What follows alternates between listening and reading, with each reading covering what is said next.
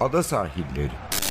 Hazırlayan ve sunanlar Mert Aydın ve Alp Ulagay. Londra'dan Dünya Spor Gündemi.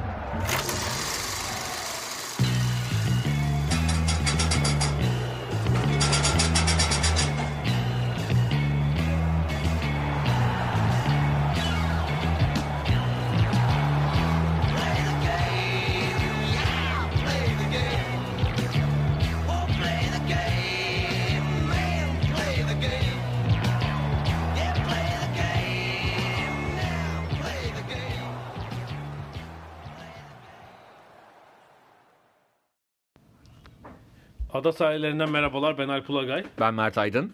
Ee, bir haftalık aradan sonra tekrar beraberiz. İzinden döndük. Türkiye nasıldı? Türkiye bildiğimiz gibi. Hiç polemik yok. Hakemler çok iyiymiş. Polemik yok. Ee, en son şeydeyiz yani.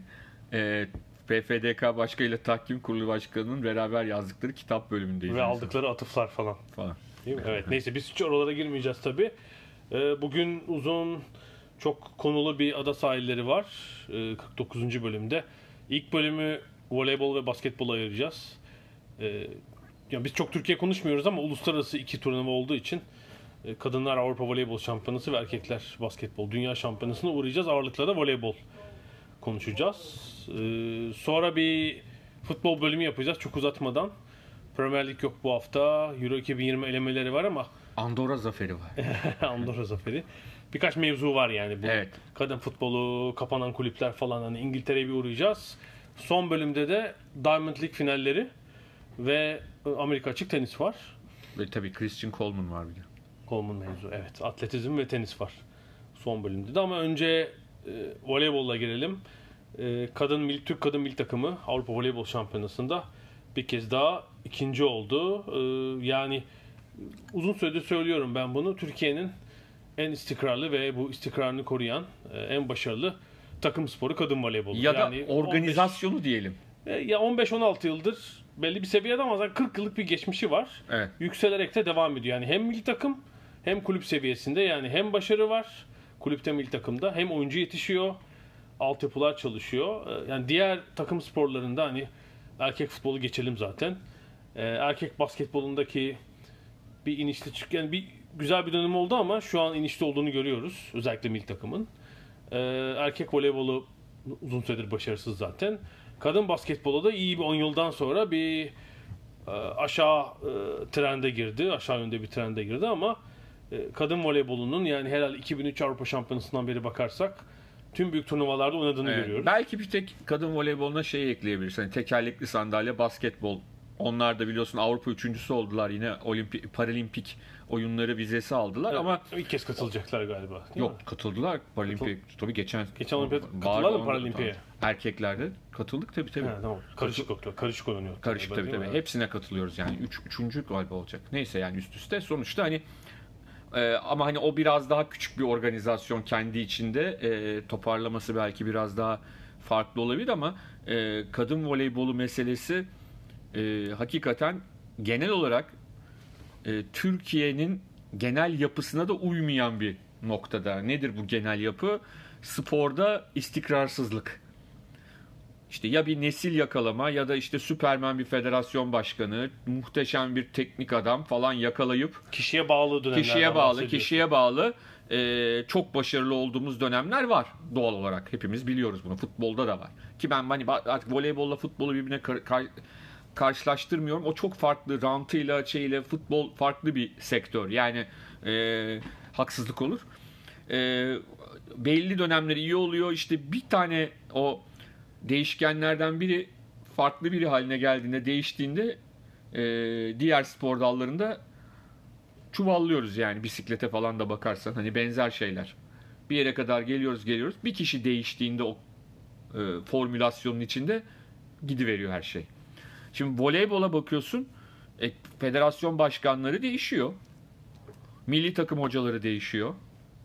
Ondan sonra ama E, de- yeni oyuncu kuşağı geldi mesela. Ha, değil mi? oyuncular değişiyor. Yani 2000 Yıldızlar 2003'ten bu yana Kimse yok. Üçüncü kuşak falan yani bu. 16 yıl sonrasında kimse yok. Yani işte şimdi bir e, geçen gün kulakları çınlasın Barbaros Çıdal hatırlattı.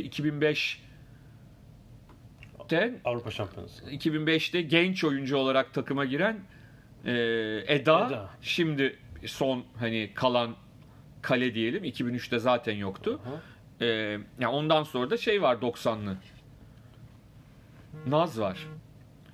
Ee, Meryem var. galiba. İşte o civarda kişi olanlar. var ama yani hiç şey Hayır ama Na- Na- e, Naz ha, milli Eda süresi olarak. istikrarlı Evet, olarak tabii. yıllardır milli takımda. Yani 2003'ü hiç hatırlamayacak bir sürü oyuncu var mesela. Tabii, tabii. takımda yani. O tarihte 3-5 yaşında olan Tabii tabii. var. Aynen öyle. O yüzden de e, bu çok çok e, önemli bir şey diye düşünüyorum. E, bunu sağlamış olmak işte e, Erol Ünal Karabıyık'la başlayan aslında onun öncesinden de alalım. Hüs- Hüsnü Can var, Ahmet Hüsnü Gülüm Can var öncesinde. tabii tabii. Yani aslında e, o 2003'e getiren de bir süreç var. Hatırla 90'ların sonunda Eczacıbaşı'nın e, kupa galipleri kupasını alması. Biz de hani ilk kez bir kupa aldık diye Avrupa'da kupa almıştık. Tabii şeyden sonra yani Efes Pilsen'in basketbolda Kore çalmasından sonra takım sporlarındaki ikinci kupaydı. Evet. Eczacıbaşı'nın 99'da Evet evet. e, Şampiyonlar Ligi değildi ya da Şampiyonlar değildi. İki numaralı kupaydı ama bir Avrupa başarısıydı ve bayağı yankı uyandırmıştı ve yanılmıyorsam İlçenko hariç yabancı da var mıydı değil mi? Ağırlıklı Türk oyunculardan teşkil bir Tabii tabii. Bizim yani. Burcu Akyemez de vardı. Evet. O da o kadronun içindeydi. İşte e, Arzu Göllü Arzu komutasındaki takım diyelim. E, şey olarak ne derler? Pasör olarak. İşte ondan sonra e, Vakıfbank'ın, Fenerbahçe'nin ondan sonra kazandıkları başarılar, e, Galatasaray'ın ivmelenmesi ama hepsinden önemlisi bence şöyle bir durum var. Bir, Türkiye'de ağırlıklı olarak büyük şehirlerde %100 diğer şehirlerde de beden eğitimi öğretmenleri sayesinde bence Anadolu'da da kızlar için birinci spor oldu. Çok Bu epidir böyle tabii 50, aşağı yukarı 40-50 yıldır böyle bu. Yani Şimdi ama daha çok oldu. Öyle söyleyelim. O- Şöyle çünkü şöyle takım spor olarak evet ama şimdi alternatif şuydu. Ya önce yüzmeye verelim. Hani yakın anlatabildim mi? Yani bütün kızları da voleybola verilmiyordu. Birinci de- değildi. Basketbol zaman zaman olabiliyordu. Ama 2000'lerin ortalarından itibaren o 2003'ten sonraki meselelerde yavaş yavaş bir numara oldu ve açık ara bir numara oldu. Yani öyle şey değil. Ne derler? Hani 10 çocuğun hani önümde bir istatistik yok ama ben çevremden bunu söylüyorum. Hani 10 çocuğun 7'sini oraya vermeye başladılar. Ya ben bunun daha önce yani 70'lerde atılan bir temelle olduğunu Tabii tabii ki tabii ki tabii Yani ki. 70'ler 80'lerde bilhassa Eczacıbaşı'nın Evet ama işte takım bir- sayısı fazla değildi bunu yapan. Çok aşırı derecede hani bu kadar çok çocuk şöyle e, diğer takım sporlarına bir rakibi yoktu. Bir kadın futbolu zaten sadece Türkiye'de işte herkes değil. çocukların çocuk, spora vermiyordu. Avrupa'da, dünyada da pek oynanmıyordu. Kadın basketbolu hatırlayalım. Çok uzun süre Tabii, milli takımı yok ve temaslı bir spor. ama şunu düşün. bir sürü ailede ilginç Evet. ben bunu bizzat şahit oldum ya temaslı spora aileler vermek istemiyor. vermez. Jimnastiğe falan jimnastik yüzme. Ama voleybol temaslı spor. Ama e, mesela şunu düşün. 80'li yılları düşün. 80'li yıllarda e, bırak kız çocuklarını hani erkek çocukları bile çok spora Tabii tabii. kulüplere veril, verilmezdi yani. Anlatabildim mi? Za- Ya başlama yaşı geçtir zaten mesela. 8 değildir de 12'dir Gibi. falan yani. Anlatabildim mi? Ama şimdi öyle değil. Şimdi böyle bir bilinç var. Zaten aileler çocuklarını bir şekilde çocuklarına spor yaptırmak istiyorlar. Ve bunun içinde tercihleri var önlerinde ve kızlarda da ağırlıklı olarak voleybol. Ha burada tabii elenenler oluyor, olur oluyor ama havuzu havuzu büyütürsen ve doğru eğitim verirsen o önemli bir avantaj oluyor ki Evet ben şimdi bir milli takım şeylerine baktım. Bir oyuncular mevcut hangi kulüplerden geliyorlar? Bir ona baktım. Bir de altyapılarına baktım. Altyapılarına. Merak ettim. Çünkü şu endişe olmuştu. İşte tabii İstanbul Vakıfbank'ta özellikle Ankara'yı kapatıp tamamen İstanbul'a geldikten sonra herhalde 10 küsür sene oldu. Eczacıbaşı zaten İstanbul'da. Ee, falan Hani çok İstanbul ağırlıklı. zaten gidiyordu. Fenerbahçe, Galatasaray, Beşiktaş Onlarla pek sporcu çıkmıyor. Yani burada bu iyi örnek şeyi anlatacağım zaten. Da gözükecek. Yani üst yapıda olabilir ama altyapı yatırımlarının çok parlak olmanı gö- görüyoruz. Yani Eda hariç üç büyüklerden çıkan sporcu yok. E daha da Beşiktaş altyapısı. Beşiktaş Beşiktaş kadın şubesini kapattı mı? Ne yaptı? Değil mi? Harika. Bilmiyorum. Yani Evet. milli takımın Evet. kaptanı Türkiye'nin sembol sporcularından birini yetiştirmişsiniz. O şubeniz yok şu anda ya da takımınız hani üst düzey değil. Ee, mesela tabii ki İstanbul var. Eczacıbaşı, Vakıfbank. Ee, ama işte Eskişehir üzeri e, İller Bankası var. Ee, işte Meliha zaten Bosna Hersek'ten gelme. Ee, Bursa var iki kişi. İzmir var. Ee, mesela İstanbul'daki daha küçük bir kulüp. Artvin Spor Kulübü üzerine UPS var. Ee, Ankara var. Yani bay gayet iki şehirde kalmamış yani İstanbul, Ankara, İzmir, Bursa. Onlar Eskişehir. şöyle de oluyor tabii. Mesela 15-16 yaşındayken buraya İstanbul'a getiriliyorlar bazıları da. Genelde onlara baktım. Ee, yani İstanbul içinde takım değiştiren olmuş ama Ankara Eskişehir'den Ankara'ya geçen olmuş. Ee, kimdi hangi oyuncuydu? Şimdi bakıyorum. Galatasaraylı oyuncu ee, Meryem galiba. Evet Meryem Eskişehir'den Ankara'ya geçmiş. Ee, yani ağırlık İstanbul ama diğer şehirlerden de şey var. Mesela İzmir ben hiç yok olmayacak oyuncu yok zannediyordum. Ee, İzmir'den de Cansu var mesela. İzmirli arkasının altyapısından yetişen. Bu şey olarak da önemli. Yani iki şehirden yetişme değil sadece Değil, değil. sporcular. Değil. Çünkü şu endişe var. İşte Türkiye'nin batısından var, doğusundan yok. Evet, doğudan yine sporcu görmüyoruz ama bu Giovanni'nin çabalarıyla belki Olabilir tabii. Yani dediğim gibi beden eğitimi öğretmenleri de e, bu popülaritenin farkındalar. E, çocukları sunuyorlar diyelim. Kulüplere sor, e, tavsiye edebiliyorlar. Sonucunda da bu çıkıyor. Yani bu sistem doğru kurulmuş bir sistem belli ki. Hani on- 16 yıldır hani son 16 yılından konuşursak üst yapıda kazanılan başarılara baktığımızda hani altyapıda birçok sporda altyapılarda çok başarılı sonuçlar alıyoruz. Değil mi? Sonra 18-23 arası Evet, yok ama işte burada değil ya. Burada tabii şey de var. Voleybolun kendine az bir takım avantajları var. Nedir bu? Yaz boyu milli takım birlikte, milli takımlar. Mesela aynı anda dört değişik turnuvaya katılıyorlar. Dört değişik turnuvaya katılmak için dört değişik turnuvaya katılacak kadar kadronuzun olması lazım. Evet, bu aslında Türkiye'nin geldiği ilerlemeyi gösteriyor. Tabii 80'leri çok iyi hatırlarsın. Bat- Batı Avrupa Bahar Kupası. Bahar Kupası. Mesela e, Doğu Spor sergi de, spor sergi de yapılırdı. Çünkü şey çok kuvvetli. Biz hatırlıyoruz. Yani Sovyetler Birliği, Doğu Almanya, Doğu bloku ülkeleri ezerdi Batı Tabii. Avrupa'yı. Bu yüzden Batı Avrupa'nın takımları böyle bir alternatif Avrupa şampiyonası Belçika, gibi. Belçika, ha, işte Belçika. Fransa, Fransa. Türkiye ona katılır. İşte orada mesela ne bileyim yarı final falan olmuş muydu herhalde? Büyük başarı kabul edilirdi ama biz Avrupa şampiyonasına varlık gösteren Bazen şey olurdu işte, işte Eczacıbaşı'nın bir Avrupa ikinciliği var mesela 1980. 80'de. 80. Çocukken onu ı, unutmuyorum. Ee, o- İnönü çıkmışlar Evet, sonra evet. kızlar. e, kulakları çınlasın Aylin abla kaptanlığında, Aylin Üstündağ Burcu'nun da kaptanlığında. annesi mi var? Olabilir. Olabilir. Olabilir. Evet. Ondan sonra tabii ki rahmetli Cengiz Göllü komutasında diyelim. Arzu Savaş, işte herhalde Selcan Teoman falan o Tabii takım. tabii. Müthiş. Sonra o sezonu kontrol ettim mesela şanslı bir sene olmuş. Sovyet takımı falan katılmamış tabii. Öyle gelmiş o ikincilik Avrupa ikinciliği ama bir ilk semboldür yani. Tabii tabii. Onun dışında da ondan sonraki yıllarda Emlak Bank falan böyle değişik adlarla 80'lerde Final Four değişik kupalarda Final Four oynadıklarını hatırlıyorum. Mesela TRT'de Ankara'da oynanırdı mesela. Uraloçka. Aklınızda sadece tabii. Uraloçka var. Her şey Uraloçka kazanırdı. Ee, ondan sonra yani şimdi dediğin gibi o zaman da bir şekilde e, akıllarda olan ve gelişen bir şeydi ama son dönemde hakikaten birçok şey akılla yapıldı. E, Ne oldu? Bakıyorsun yani en kötü derecemiz bir Avrupa beşincisi olmuşuz. Yani bu 16 yıl içinde Bir şey, kere bir oyunculuk mu ne var? Bir kötü bir 2007 mi? Bir arada bir geçiş senesi var ama değil mi? Hep şeyde Türkiye. Ev sahibi olmasa da yarı final. Ee, Dünya Şampiyonası'nda 6. işte Dünya Ligi'nde Tabii. finalist. tabii tabii. Yani bu, bu çok önemli bir istikrar. Yoksa devamlı şampiyon olmak o ayrı bir şey. Yani onu, onu sağlayabilmek çok kolay değil zaten.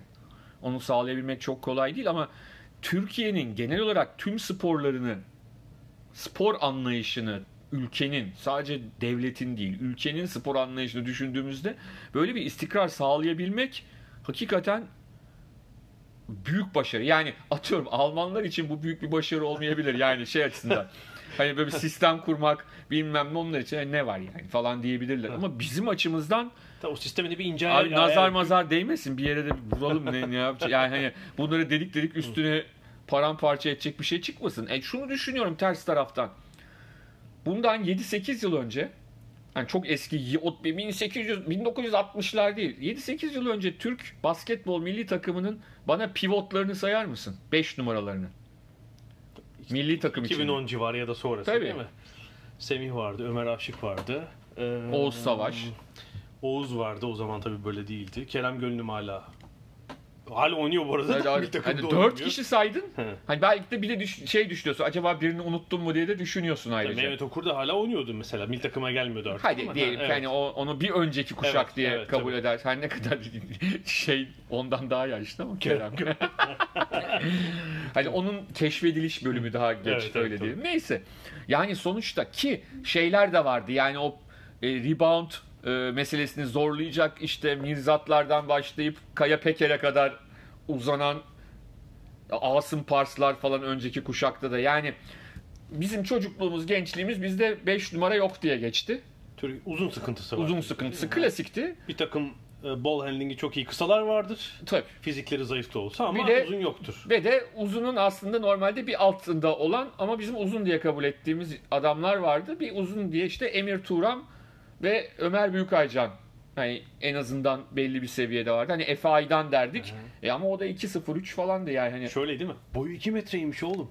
Falan ne olacak 2 metre? yani öyle olduğundan dolayı Türkiye'ye gelen böyle 2.02'lik 2.03'lük Amerikalılar böyle rebound canavarı gibi oluyorlardı. Tabii şeyde forvet oynamış adam Amerika'da üniversitede falan. Burada rebound kralı oluyor. Yani e, şimdi mesela oraya bakıyorsun orada büyük bir şey var. Ya şunu düşün ya son 10 15 yıldır dünya ve Avrupa şampiyonalarının çoğunda sayı kraliçesi olan sporcu voleybolu bıraktı. Biz aramadık.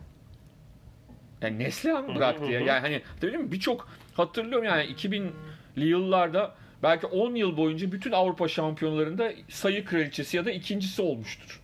E, Son 3-4 yıldır hani voleybolu bırakan e, şey yapanları Özge Gözde. Neslihan tabii. Çok sembol bir, bir sürü isim. Tabii tabii. Art, milli takım kadrosu yani voleybolu bıraktılar ya da işte milli takımda değiller. E, Tabii, tabii. Çok önemli isimler yani. Tabii tabii aynen öyle. O yüzden de e, Esra Tabii Esra Gümüş. Evet. yani e, öyle çok e, Gülden falan böyle çok e, düşündüğünde çok fazla isim var. Bir de yani hani sayamadıklarımız. S- Seda var mesela. Hani Seda o Tabii, 2003 evet, evet. takımının geçen gün bir kadrosunu birisi koymuş sosyal medyada. E, ef- efsaneymiş o kadroda yani bakıyorsun Tabii, tabii. Çok çok haber falan yapılmıştı tabii yani o oyuncuların bir ilk de olduğu için tabii hani öyle bir e, kadın milli takımının kazandığı ilk büyük başarı. Evet. Voleybol. Yani e, ki hemen üstüne olimpiyat elemesi oynamıştık ve Almanlara yine finalde kaybetmiştik. Gidememiştik 2004 olimpiyatlarına. E, o takım da çok çok güçlü bir. Ya birçoğu da onların biliyorsun şey işte Pelin o takımdan menajer. Menajer tabii. İşte Neslihan e, danışman. Neslihan danışman, Bahar e, yönetim, Yönetim kurulu üyesi. O takımın pasörü Bahar. Ondan sonra bir tane şimdi Bahar deyince aklıma geldi. 2005 Dünya Atletizm Şampiyonası'ndayız. Bir tane Polonyalı foto muhabiri geldi. Bahar ayağınıymış. Tam Polonya voleybol. Evet. Bütün voleybol şampiyonalarına Polonya olsun olmasın Türkiye varsa gidiyormuş. Sırf şeyi çekmek için, Bahar'ı çekmek için. Düşünebiliyor musun? ya şey çok ilginç. Ee, ya Wikipedia'yı tabii serbestçe kullanıyoruz burada. Türkiye olmayınca. Ya Türkiye'de de Özellikle kullanılıyor da isteyen. Her şey, her şey için kullanmıyorum ama sonuçlar monuşlar için Ay, pratik. tabii. Ama voleybol özellikle Anglo-Sakson dünyada kuvvetli olmadığı için voleybol sayfaları çok kuvvetli değil. Hangi dilde en iyi voleybol sayfaları? Lehçe mi? Vallahi öyle. İnanılmaz bir Avrupa Kupası arşivi var mesela Lehçe'de, Polonya dilinde. Başka dilde yok. yani Türkçe'de zaten yok da İngilizce'de zayıf. İşte İtalyanca falan arıyorum yok. En son şeyde buldum, Lehçe'de buldum. Tam bir voleybol ülkesi gerçekten. Ee, peki bir şeye daha değinmek isterim. Bu çünkü bu milli takım kazanınca yine saçma sapan yerlere çekiliyor işte. Yabancı bilmem ne falan filan. Ee, şimdi kadın voleybolunda bu milli takım ve kulüpte iki tarafta paralel giden bir başarı var çünkü. İşte Evet. Şampiyonlar Ligi'nde de Türk takımları kaç yıl? 8 yıl mı arka arkaya final oynadı? 10 yıl mı oynadı?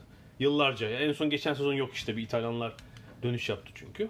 Ee, ben güzel bir denge olduğunu düşünüyorum. Türkiye Ligi'nde sahada 3 yabancı, 3 Türk. Ama özellikle Şampiyonlar Ligi'nde iddialı olan işte Eczacıbaşı, Vakıfbank ve Fenerbahçe oluyor onlar. Ekstra iki yabancı oluyor kadrolarında. Evet. Şampiyonlar Ligi'nde de isterlerse yer veriyorlar. Ama Türkiye Ligi için dengenin iyi olduğunu düşünüyorum. Yani mutlaka o 3 Türk oyuncu hatta yedekler, libero oraya da Türk oyuncu yetiştirmeniz lazım sizin. Yani yetiş, yetiştiriciliğin önemli olduğunu düşünüyorum. Yani şu var ya işte yabancılar gelsin bizimkiler rekabet etsin onunla. Tam öyle değil kadın voleybolunda. Başka bir tür bir denge kurulmuştu Evet. uzun süredir. Doğru, doğru. Yani değil mi işte bu ama şöyle olmuyor yani hani bir oturup e, şöyle olsun böyle olsun hadi e, bir pazarlık yapalım bir eksik mi olsun bir fazla yani bunun dengesini ve doğrusunun ne olduğunun araştırılması bilimsel bir sonuç çıkarmak gerekiyor.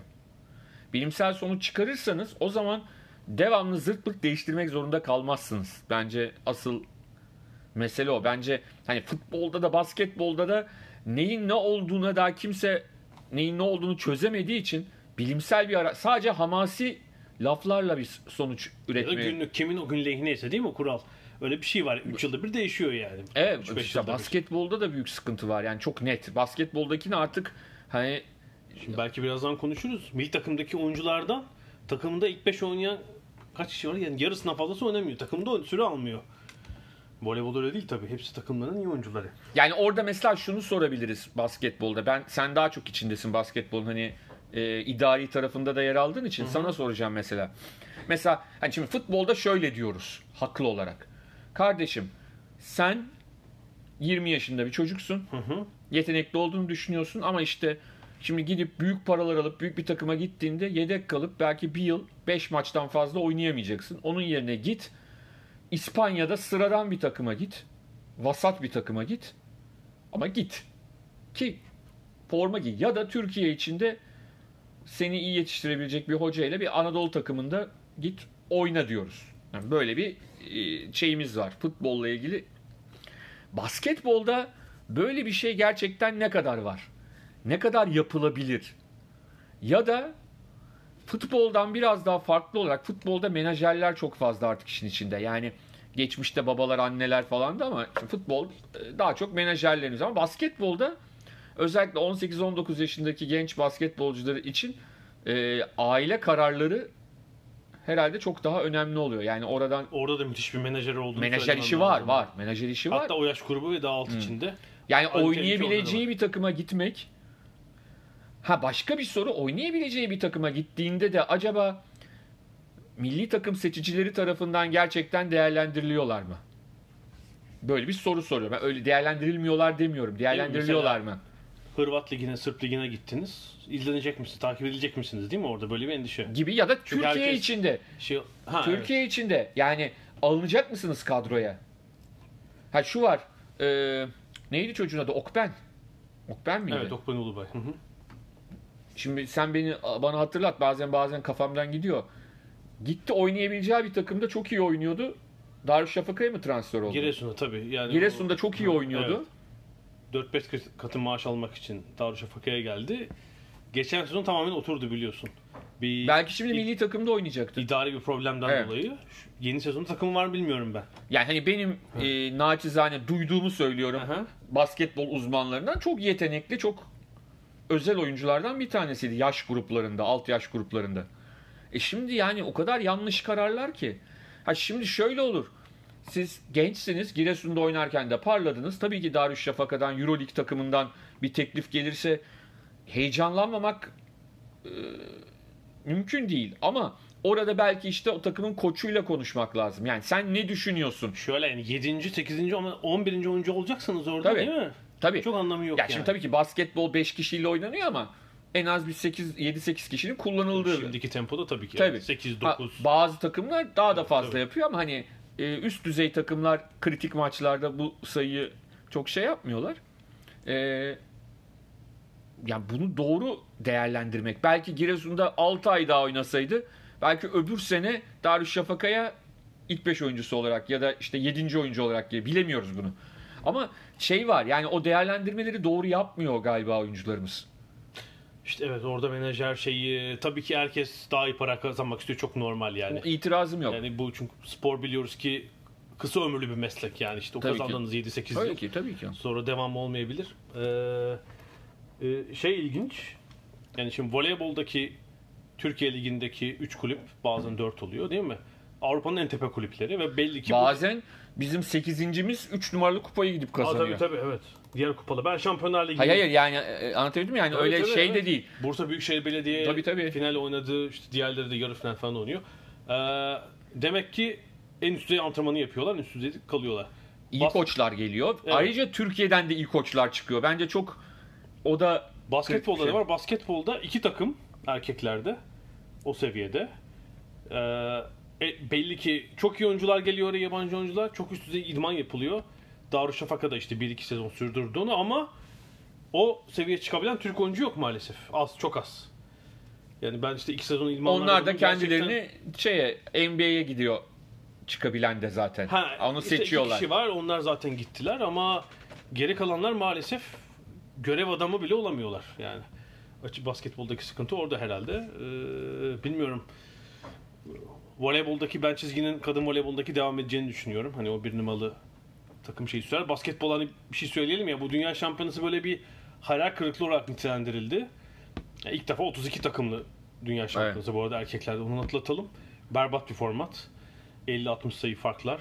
Yani FIBA'nın da bir kez daha beceriksizliğini görmüş Tabii bu olduk. arada çok sevindik haklı olarak olimpiyat elemesine katılacağız değil mi? Almanya, Rusya, İtalya falan var yani o Ölme elemelerde şey de. ölme durumu var orada yani. Yani öyle öyle Ha zaten 24 muhtemelen 24 takımda olsaydı Türkiye zaten bu dünya şampiyonasında olmayacaktı büyük ihtimalle. Yani şeydeki saçmalığı hatırlayalım. Son Avrupa şampiyonu kim erkeklerde?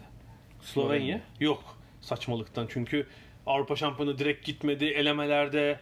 E biz de bazen o sıkıntıları yaşadık. Bizim oyuncuların da olmadığı maçlar Tabii, oldu. Slovenya'nın doğrudan olmadı. Yani Türkiye'nin zaten bence bu dünya şampiyonasında yeri yoktu. Böyle bir ne kadrosu var ne böyle Ama biz birçok şampiyonaya bir hatırlarsan Hep davetiyeyle katıldık. davetiyeyle Davetiyeyle, katıldık zaten. Ama başarılı olduklarımıza da davetiyeyle Evet. katıldık yani hani Ev sahibi, davetiye falan. onu biraz e, öyle bir şeyimiz var. Yani hani e, şöyle düşünüyor adamlar.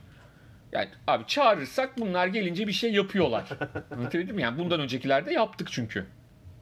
Bir şekilde dünya şampiyonalarında Tabii çeyrek final falan oldu. yani en kötü dediğimiz turnuva ilk o 2002 9.yüz. Hani beğenmediğimiz o Tabii, 2002'de tabii. bile 9. olduk. Ondan sonra onun dışındakilerde hep bir şekilde çeyrek ama final. orada bir potansiyel görülüyordu şimdi bu. Tabii tabii. Hayır hayır şey açısından dedim yani hani FIBA hani wildcard'lı adamı çağırıyorsun diyor ki "E, bunları çağıralım bunlar geldikleri zaman bir şey üretiyorlar diye düşünüyor. Ee, bu kez kendimiz hani çağrılmadan gittik de hak ederek gittik. Ama yani şey ne derler? Ee, açıkça söylemek gerekirse hani Amerika maçı dışında ben hala şuna e, şuna inanmıyorum. Yani ben Amerika'ya 30 yeseydik e, şu anda üst turlara çıkmıştık kısmına inanmıyorum. Yani o, o durumda değiliz bence biz.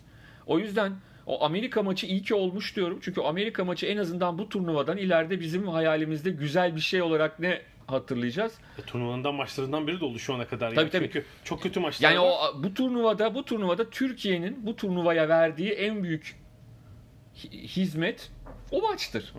O karşılaşmayı hiç kimse unutmayacak. Bu bunu unut yani ben o yüzden ben şey olduğuna inanmıyorum. Yani daha sonraki maçları da izledikten sonra buna karar verdim. Hani o maçı da biz 30 yeseydik kesin işte Çekleri yenerdik. Abi Çeklerin geldiği noktayı finale görüyorum. geldiler. Yani Çekleri de öyle yenemezdik abi. Yenemezdik ki. Veseli yok bir de. Veseli'nin olmadığı Çeklerden. En iyi oyuncusu bizim en zayıf yerimizde bir de oynuyor oyuncu yani. Tabii, tabii. Bizim en zayıf noktamızda bulunuyor o. Hani ne bileyim point kartları sü- şeyleri ne bileyim forvetleri çok iyidir de e, sen de işte doğuşla ona bilmem ne yaparım o gelir savunur falan dersin. Olsaydı bunu yapardık der. Veseli'ye ne yapacaksın? Yani şey şimdi ne oldu? Oyun kurucu eksikti. Oyun kurucu yenisi devşirildi. Bobby Dixon'dan sonra Scottie Wilbeck'in. Şimdi nedir? Ya orası değilmiş eksik. Piyot devşirelim. Piyot transfer edelim. E ne olacak? Oyun kurucu açık kalacak yine. İki tarafta hani aralarda biraz daha alternatifler var da. Abi biz bence Orhun Ene'yi yeniden basketbola döndürmemiz gerekiyor. Oyun kurucu kısmında. Levent Topsakal Orhun hadi geri dönsün. Evet yani. Öyle söyleyelim.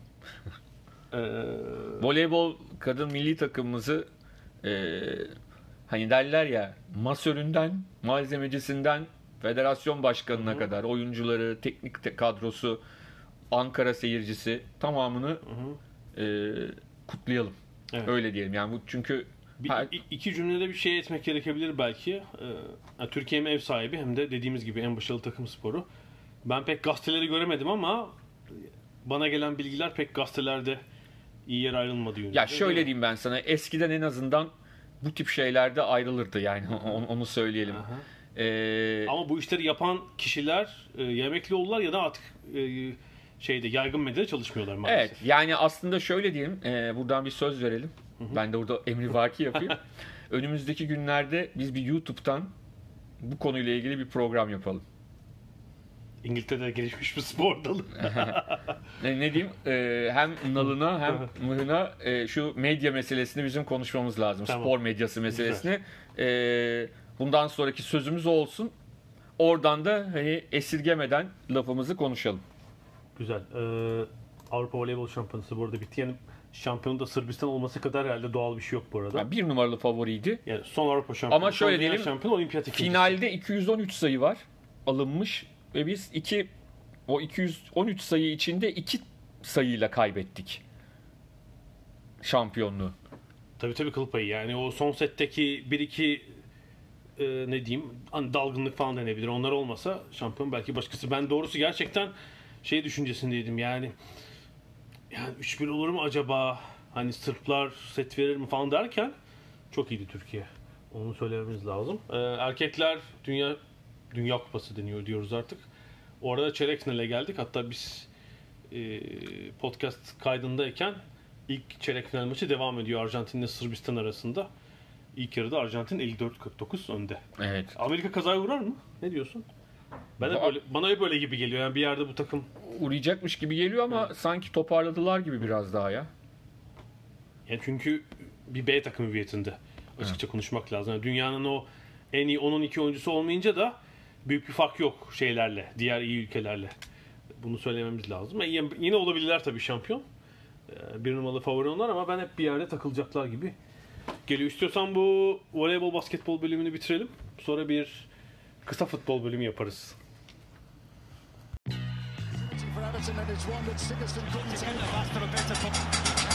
Ada sahilleri. Londra'dan Dünya Spor Gündemi.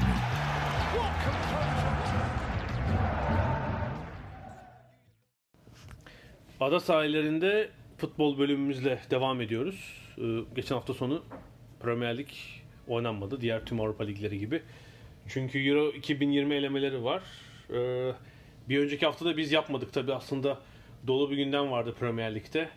Hakem tartışmaları falan oldu sen de Türkiye'den görmüşsündür. Vardan şikayetler, antrenör şeyleri, antrenörlerin varyansınları. Ee, birkaç O şikayet edenleri ben Türkiye'ye bir getireyim bakayım nelerden şikayet edecekler. Otursunlar oturdukları yerde. ben- şükretsinler, şükretsinler dedi. Ben en çok şeyi yadırgadım. Norwich antrenörü Farke'nin maçtan sonraki açıklaması hakem şey üzerineydi. Halbuki çok bariz bir penaltı aleyhine verilmesi gereken verilmedi. Hani onu şey yapmayıp işte ilk yarıda bilmem nerede foul olmuştu da kart verilmemişti de hani böyle komik bir açıklama yaptı gerçekten. Ee, Bir önceki hafta öyle açıkçası geçti e, İngiltere'de. Ee, Bir de şey var tabii. İngiltere'nin iki, iki köklü kulübünün içinde bulunduğu zor durum. Evet, Böre Kulübü ligden İngiltere liglerinden atıldı. liglerinden atıldı evet. Ee, 1992'den beri ilk defa oluyor. Maidstone galiba bundan önce e, futbol ligden ihraç edilen son kulüp. Kaç Evet. 27 sene olmuş. Ve tamamen mali ve idari Bu bir iyi karar. bir sinyal değil ama. Yani İngiltere için iyi bir sinyal. Bury'nin gitmesi mi? Adının ne olduğu önemli değil Ha. yani hani bu Bury olur, Aha, Bolton da ucundan Evet. döndü biliyorsun. X olur, Y olur, Z olur. Çünkü sonuçta o yarattığınız genel e, doğru sistemin çatlakları olabileceğini gösterir bu. Evet, burada özellikle The Guardian ve Independent iki gazete e, bir yılda çok fazla yazıyorlar. Yani Premier Lig İngiltere kulüp futbolunun vitrin yüzü. Evet. Hani burada her şey çok iyi bir dünya ligi işte para Evet. akıyor herkes çok iyi para kazanıyor ama alt liglere tabii bu para musluğu aynı ölçüde akmadığı için ciddi problem var ve bir, bir kısmı da çok tarihi kulüpler bunun böyle gibi işte 1906'nın 6-0'la FA Cup şampiyonu falan çok köklü bir kulüp. E, Ligden atıldı. Bury'yi gömdüler. Ha, aynen öyle. Bury buried. Ee, öyle oldu. Çünkü işte bu alt ligler e, giderek artan maaş enflasyonu direnemiyorlar. Yani oyuncuların maaş talebine karşı Premier Lig'deki e, maddi imkanlara sahip değiller. Yani televizyon geliri olsun, ticari gelirleri olsun. Bir şekilde yani Premier Lig'in küçük de olsa bir bir şekilde alt liglerle yani o paraşüt ödemelerinin dışında bir Evet. paylaşıma girilmesi lazım ya da bir Almanya Fransa tipi daha sıkı bir kontrol gelecek yani burada maaşlar bu seviyeye gelmeden e, futbol lig diyecek ki sen şu kadar harcayabilirsin e, maaş yükün e, şeyi sınırların ötesine çıkıyor. Yani önemli olan o düzeni kurmak. Doğru düzeni kurup o kontrolleri sağlarsa halledebilirler. Bolton ama- Wanderers da ucundan döndü yani Evet. şimdilik. Onlar herhalde devam edecekler oynayamadıkları Yani Bolton dediğimiz takımın da çok yakın zamana kadar Premier Lig'de olduğunu hatırlatalım. Yani Premier Lig'de de belli dereceler alabilen bir takımdı. Belli dereceler alan İlk onu oynayan bir takımdı. Evet. Sam Allardyce döneminde değil mi herhalde? Evet. Yani bir 10 sezon oynamış mıdır Premier Lig'de? 8-10 oynadı sezon oynamıştır yani. Geçmiş yani Premier Lig öncesinde Division 1'da da O geçmişleri tabii var. tabii. Çok Ya eski. ben bu hani daha çok para aktığı dönemi Evet. kastetmiştim açıkçası. Ee, bu arada ne oldu bir nihayet bir İngiliz takımı bir Türk takımıyla eşleşti Avrupa Kupalarında. Wolverhampton Beşiktaş'la oynayacak. Evet. Evet. Çünkü Şampiyonlar Ligi'nde bakıyorum falan yani bir Türk takımı eşleşsin İngilizler. Evet. Evet. Olmuyor Wolverhampton. Yani şeyi gördüm. Avrupa'da falan oynamadığı için tabii Beşiktaşların özellikle küçümsediğini gördüm. Ee, kanaatim şu, kadro olarak herhangi bir Türk takımının çok üzerindeler. Ama yoğun bir sezon öncesi geçirdiler ve Evet. O ama şöyle söyleyeyim bir İngiliz takımıyla değil bayağı bir Güney Avrupa takımıyla Tabii, oynayacak tabii. Beşiktaş. tabii yani Portekiz, İspanya, Meksika falan. E, hoca da zaten Hoca da evet şey. Portekizli. O yüzden de yani hani klasik bir İngiliz takımı beklemek çok büyük hata olur Tabii diyelim. tabii ya top hareketi Yani vesaire. Burnley ile oynamayacaklar yani. Wolverhampton biraz daha farklı tarzda bir takım. Ama ilk 4 haftada 3 puan topladılar. Tabii, çok- Bu Avrupa maratonu Tabii sebebiyle. erken başladıkları bir Avrupa maratonu var ve e, bunu tam olarak daha ikisini bir arada götürme konusunda e, istedikleri tempoyu yakalayamadılar. Bir de Premier Lig'in bu milli takım arasında ilk antrenör kurbanında Javi Gracia oldu. Evet. Aslında hani kim kurban olur diye düşünürken hani herhalde herkesin birinci hani bir ilk kim gidecek sorusunda herhalde şeylerde e, birinci sıradaydı bilemiyorum. ya, yani Sezon başında değildir. Sezon başında Steve Bruce'tur muhtemelen. Steve Bruce yırttı. Ee, ama şey Javi Gracia ardından üst üste yenilgiler, puansızlık. Geçen yılki başarının ardından kupa finali. e, Avrupa'yı da kovalamışlardı, ligden de kovalamışlardı. Yani iyi bir bir buçuk sezon. Orada iyi kurduğu bir sistem var ama geçen sezonun o kupa finalinden bir kafa karışıklığı oldu hatırlarsın. Son 5-6 haftayı serdiler tam anlamıyla. Doğru. Yani üst üste yenilgiler. E, bu sezona da 4 maçta 1 puanla başlayınca e, kulüp yönetimi onu yolladı. Evet yine eski bir hocalarına yine aynı ek- e, ülkeden, ekolden diyelim. Quique Sanchez Flores. Bakalım e, onun gelişi neleri değiştirecek önümüzdeki hafta sonu hemen direkt bir e, şey olacak mı? Ne derler? Etkisi olacak mı? 5 Onu- maçta 5 galibiyet falan. Onu haftaya görebileceğiz öyle söyleyelim. Ama bu arada hani Premier Lig deyince de Çağlar Söyüncü efsanesi devam ediyor diyebiliriz herhalde. Ya çok iyi. Benim de doğrusu sezon başı tahmin edemediğim bir sıçrama yaptı Çağlar. Yani Maguire gönderdikten sonra teknik direktör Brendan Rodgers tak diye koydu Çağlar'ı oynatıyor ve Leicester sen iki hafta önce de söylemiştin ligin hani bu ilk bölümünün büyükler dışında e, çıkış yapan takımı diye. Gerçekten öyle. Hem Leicester iyi oynuyor hem Çağlar Evet evet. iyi oynuyor şu an. Yani üçüncü sıradalar. Evet namalup. Ligde gayet iyi. Yani e, tabii şeylerden biriyle oynamadılar. Değil mi? Büyüklerden hiçbiriyle. Ya ol, olabilir. Zaten bizde Leicester Doğru, yine ya Chelsea ile oynadılar. oynadılar. Evet, yani yine Chelsea, şampiyon doğru. olur falan gibi bir plan şey de değiliz ama e, şöyle diyelim. Ben Brandon Rodgers'ın biraz hani underrated olduğunu düşünüyorum teknik adam olarak. Hakkının verilmediğini. hakkının verilmediğini düşünüyorum. Yani tekrar söyleyelim yani Steven Gerrard'ın ayağı kaymasaydı Premier Lig şampiyonuydu büyük ihtimal. Yüzde yüz diyemeyiz. O başta sonra başka şeyler tabii, olurdu tabii. olmazdı sezonda falan Tabii. bilemeyiz ama büyük ihtimalle Premier Lig şampiyonu olacaktı. Büyük ihtimalle kariyeri e, İskoçya'ya inmeyecekti. Çok daha farklı şeyler konuşuyor olacaktık. E, orada iyi bir teknik adamın geldiği net bir şekilde belli oldu. Çünkü şey ben geçen sene Leicester'ı sanıyorum Everton maçında şeyde de izlemiştim. Yani statta da izledim, televizyonda da. Yani Claude Puel böyle 8 kişi blok savunma yapıyor. İşte maç boyu bir tane var diye top gelecek. Vardy de fırsatçı bir tip tabii. Evet. Atacak. Öyle bir taktik vardı. Şimdi Vardy yine atıyor ama e, bütün şey şu değil yani geride kapanalım. Sadece kontraya bakalım. Öyle oynamıyor. Ama işte iyi şimdi orta sahada Tielemans falan deyince Tabii. Madison iyi, Tielemans iyi. İyi bir kadro vardı. Şu önümüzdeki 4 hafta tabii iyi sınav Leicester için. Fikstüre bak. United deplasmanı. İçeride Tottenham ve Newcastle. Üzerine Liverpool deplasmanı. Güzel. Buradan böyle bir iki galibiyet falan çıkarırlarsa e, şey olabilir. Ne alıştılar o şampiyon olmaya hem bir daha şey yapabilirler. Olur muyuz olmaz mıyız. Biri 10 bin. 10 bin. Ee, önümüzdeki haftanın fikstürüne bakalım. Cumartesi günü haftayı Liverpool açıyor. Liverpool Newcastle United oynayacak. Newcastle'da bir üst üste bir galibiyet, bir beraberlikle nefes aldı. Yani Kesinlikle. çünkü baş, lig başlangıcı e, herkesin tahmin ettiği gibiydi. Yani herkes önceden ne öngördüyse Newcastle'da öyle başladı. Ama Tottenham galibiyeti e, özellikle e, her şeyi değiştirdi. iyi anlamda değiştirdi. E, Cumartesi Newcastle açısından. Brighton Burnley maçı var. Manchester United Leicester'ı ağırlayacak demin konuştuğumuz gibi. Sheffield United Southampton. Londra derbisinde Tottenham Crystal Palace var. Ee, Wolverhampton Chelsea ağırlıyor. Güzel maç. Manchester City Norwich deplasmanında.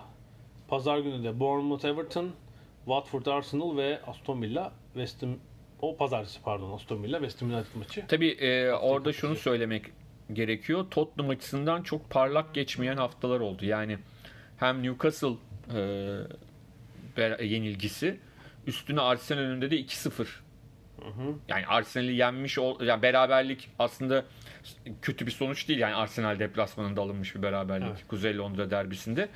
E, ama 2-0'dan Arsenal'in dönüşü ve hani maçın sonunda da e, galibiyeti Arsenal'in kaçırması öyle diyelim. Evet, ben maçtaydım yani son yarım saat çok sıkıntı çektiler şey Evet, olarak. Yani, yani- biraz topu tutup oyunu Po- dengelemeleri lazım. Pochettino biraz e, sallandı gibi geldi bana. Yani bence şu Eriksen konusunu netleştirmelerinde fayda var. Yani Eriksen'i nasıl oynatacaklar, oynatacaklar mı, oynatmayacaklar mı? Bir maçta sonradan oyuna sokuyor. Öbür maçta ilk 11 oynatıyor. Gün ilk 11 oynadı ama hala Evet. transfer şeyi vardı biliyorsun. Evet, yani, Yani iki gün sonra gidecek mi o gün oynuyor? ya o yüzden ya bence o çok etkiledi takımı. Çok çok etkiledi. Yani çünkü çok kritik parça. O yüzden de şu anda bayağı bir şey oldu yani hani Endombele sakat oynamıyor. evet. Onu falan Yani e, Manchester United'ın ya da Chelsea'nin, Arsenal'in puanlar kaybetmesini, bu kadar puan kaybetmesi anormal değil. Bekliyorduk ama Tottenham birazcık şey oldu. Ne derler? E, sürpriz oldu. Özellikle bence Newcastle maçı çok belirleyici yani. City deplasmanındaki beraberlik iyi bir sonuç ama diğer taraftan e, oynanan oyun City deplasmanında çok parlak değildi öyle diyelim skora rağmen. Ee, ama Newcastle yenilgisi soru işaretlerini çok çok fazla yaptı ki yani Crystal Palace da e, o anlamda tehlike olarak görebileceğimiz bir takım. Newcastle'dan farklı olarak hani cezalandırıcı oyuncuları da var. Tottenham açısından kolay bir maç Evet, olmaz. Yani şeye kadar bir fırsat var Tottenham'ın önünde. 27 Ekim'deki Liverpool deplasmanına kadar 5 maç bir büyük rakip yok. Hani oradan mesela işte 4 galibiyet bir beraberlik falan bir şey çıkarmaları lazım ki zirveye yakın kalsınlar.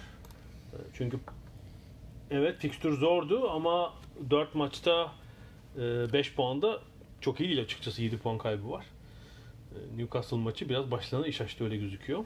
Evet ben bir de şeyle ilgili bir şey söylemek istiyorum. Euro 2020'ye dönüp Tabii tabii ona bir dönelim şimdi. Türkiye Andorra maçı ile ilgili bir şey söylemek istiyorum. Şimdi biz İzledin mi sen maçı?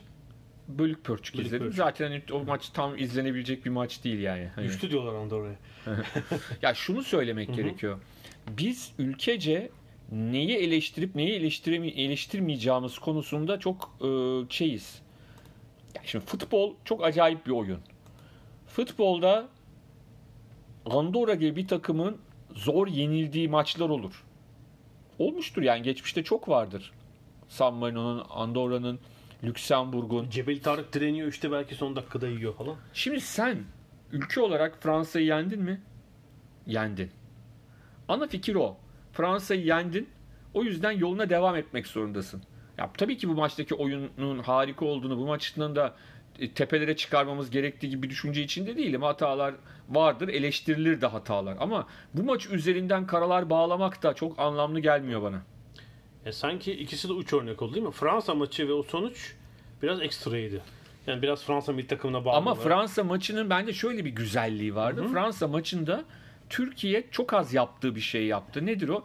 Türkiye'nin genel olarak büyük zafer olarak addedilen maçlarına baktığımızda çoğunun son 15 dakikasında kalecimiz ya da defans oyuncularımızın eee, yani yıldız ötesi 5 yıldız 5 Hadi biraz- üzerinden 6 yıldız aldığını Biraz görüyorum. daha direnin. Yemeyin falan. Fransa maçının farkı, Fransa galibiyetinin farkı başından sonuna kadar Türk milli takımının ne istediyse yapabildiği ve hiçbir zaman da ya tabii ki gol yeme ihtimalimiz vardı ama e, yani izleyenlere "Ulan biz yeniliriz bu maçta puan kaybederiz dedirtmeyen bir oyunla bunun sağlanmış olması ve hani Çanakkale geçilmez oynamadan yapılmış olması. Bence Fransa maçının değeri o. Yani bizim nerelere tabii ki şöyle bir şey yani Fransa seviyesinde sonuçta dünya şampiyonundan bahsediyoruz.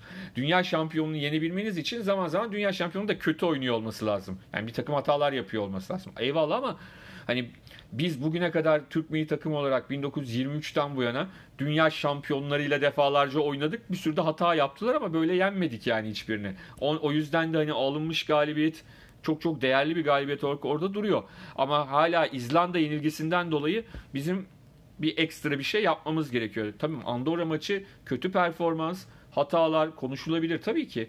Ama yani şöyle bir şey var. Bir maçta tarihin en iyi milli takımı oluyoruz tırnak içinde. Bir maçta da böyle rezalet olur mu ya dönüyor iş. Aynı oyuncular, aynı teknik adamdan bahsediyoruz. Yani bunu bu Şundan kadar dolayı ekstrem dedim ben. Yani Fransa maçındaki biraz sıra dışı bir oyun ve Tabii ki, sonuçtu. tabii ki. Ama Andorra maçındaki de normal değil yani değil mi? Değil. İkisinin Ya- arasında bir yerde. Evet Türkiye evet aslında. yani bunu bir bizim genele bakma e, bazen tam detay çok önemlidir detaylar ama bazen de genele bakmayı unutuyoruz detaylara çok fazla.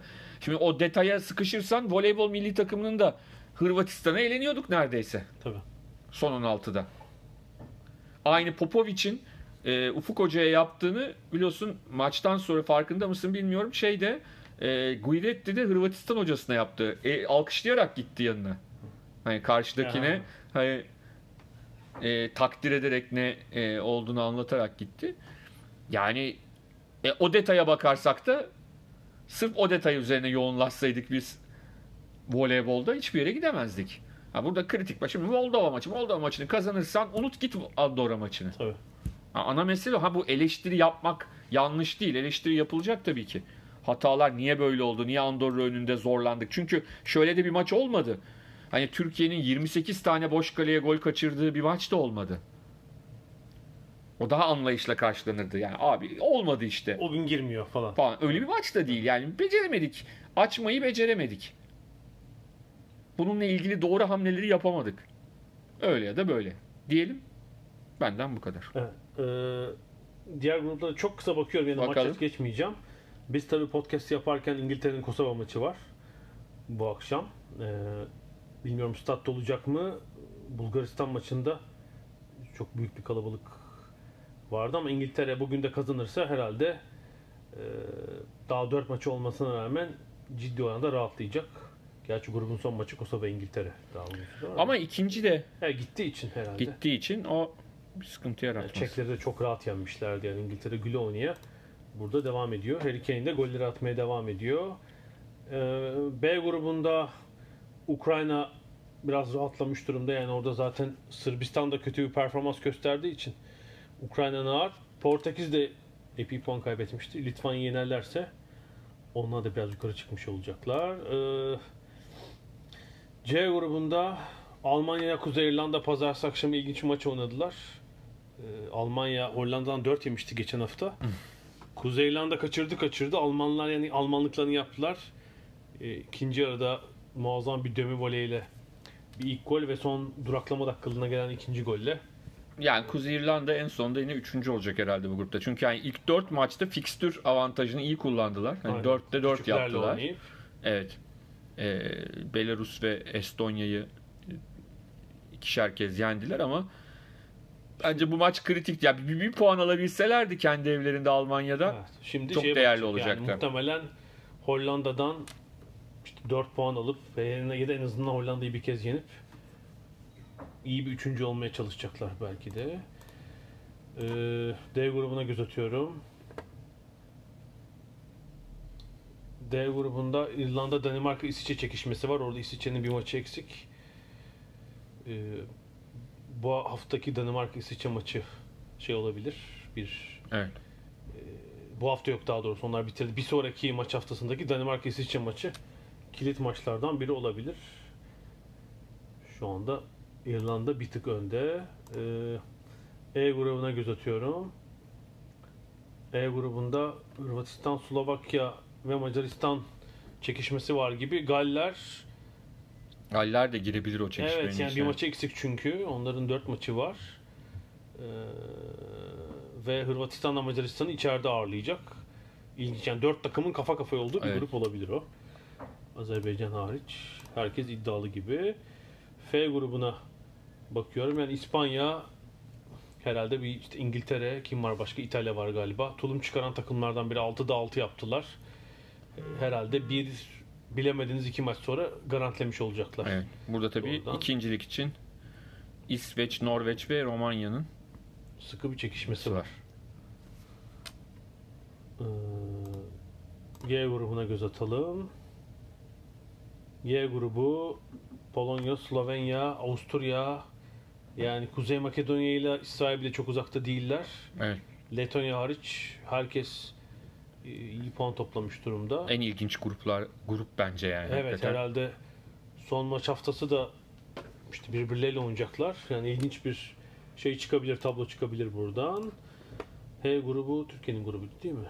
Türkiye'nin grubu. Fransa, Türkiye, İzlanda. 12'şer puanda belli ki son haftaya kadar yani son haftada 3 takım birbirleriyle oynamıyorlar.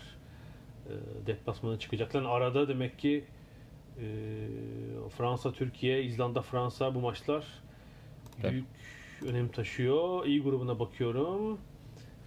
Belçika tulum çıkaran bir başka takım. 6'da 6 18 puan. Neredeyse garantilemek üzereler. Yani 3. Evet, defa. e, Rusya'da zaten 15 e, onlar da sadece Belçika'ya yenildiler. Ya burada yani son 20 yılda olduğu gibi büyük ayak kırıklığı İskoçya tabii. Yani Güney Kıbrıs'tan bile az puan toplamış durumdalar. Dün akşam da sahalarında Belçika'dan 4 yediler. Dört, evet. Kevin De Bruyne şov yapmış. Evet 3 asist bir gol. Hiç fena değil. İyi galiba çocuk. Ve son grup J grubu. J grubunda da İtalya var. Onlar 6'da 6 yaptılar.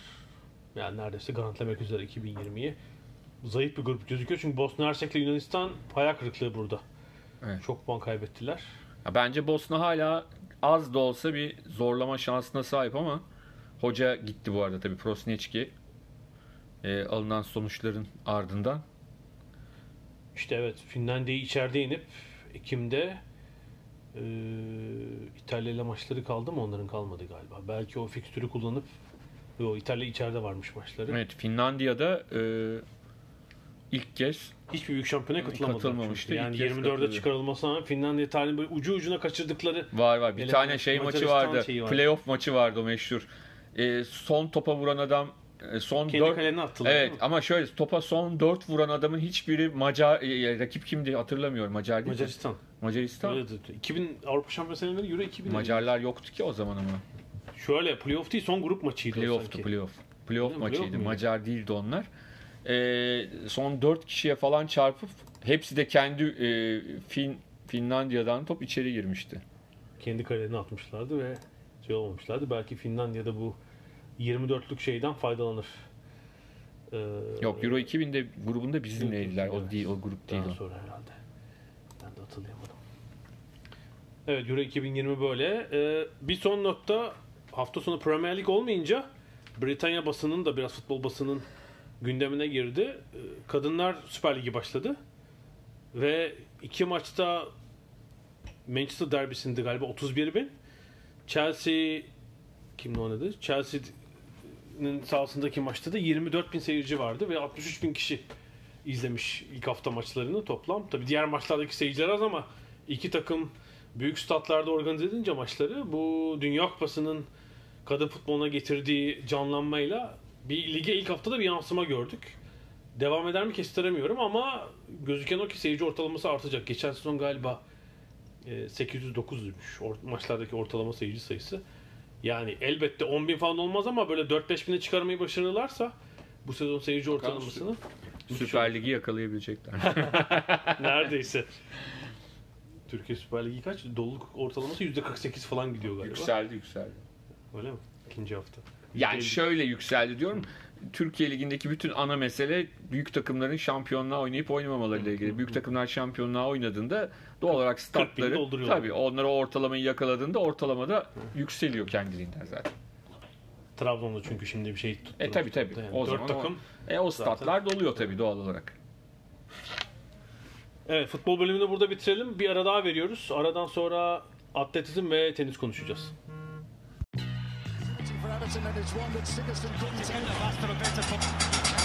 Ada sahilleri.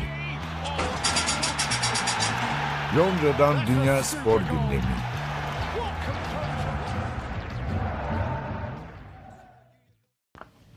Ada sahilinin son bölümündeyiz. Ee, bu bölümde de atletizm ve tenis konuşacağız. Diamond League, Christian Coleman, Amerika açık, mevzu bol. Diamond League'le girelim önce. Ee, Zürich'te ve Brüksel'de düzenlenen iki finalle Diamond League sona erdi. Ben aslında Zürich'teki finale gidecektim. Her şey hazır. Kaza. Akredite olduk. Evet bir ev kazası. Yani benden değil aile bireylerinden biriyle ilgili küçük bir kaza. Beni Zürih yoluna yolundan alıkoydu açıkçası ve o güzel akşamı izle, yerinde izleyemedim maalesef. Ekran başında izledik. Ee, Zürih'te tabii bütün gözler 400 metre engeldeydi. Evet. Ee, özel bir akşamdı. Belli ki son yarış yaparak da hani şeyi Zürih bu işi yıllardır çok iyi yapar yani 5-10 yıldır 50-60 yıldır. Evet.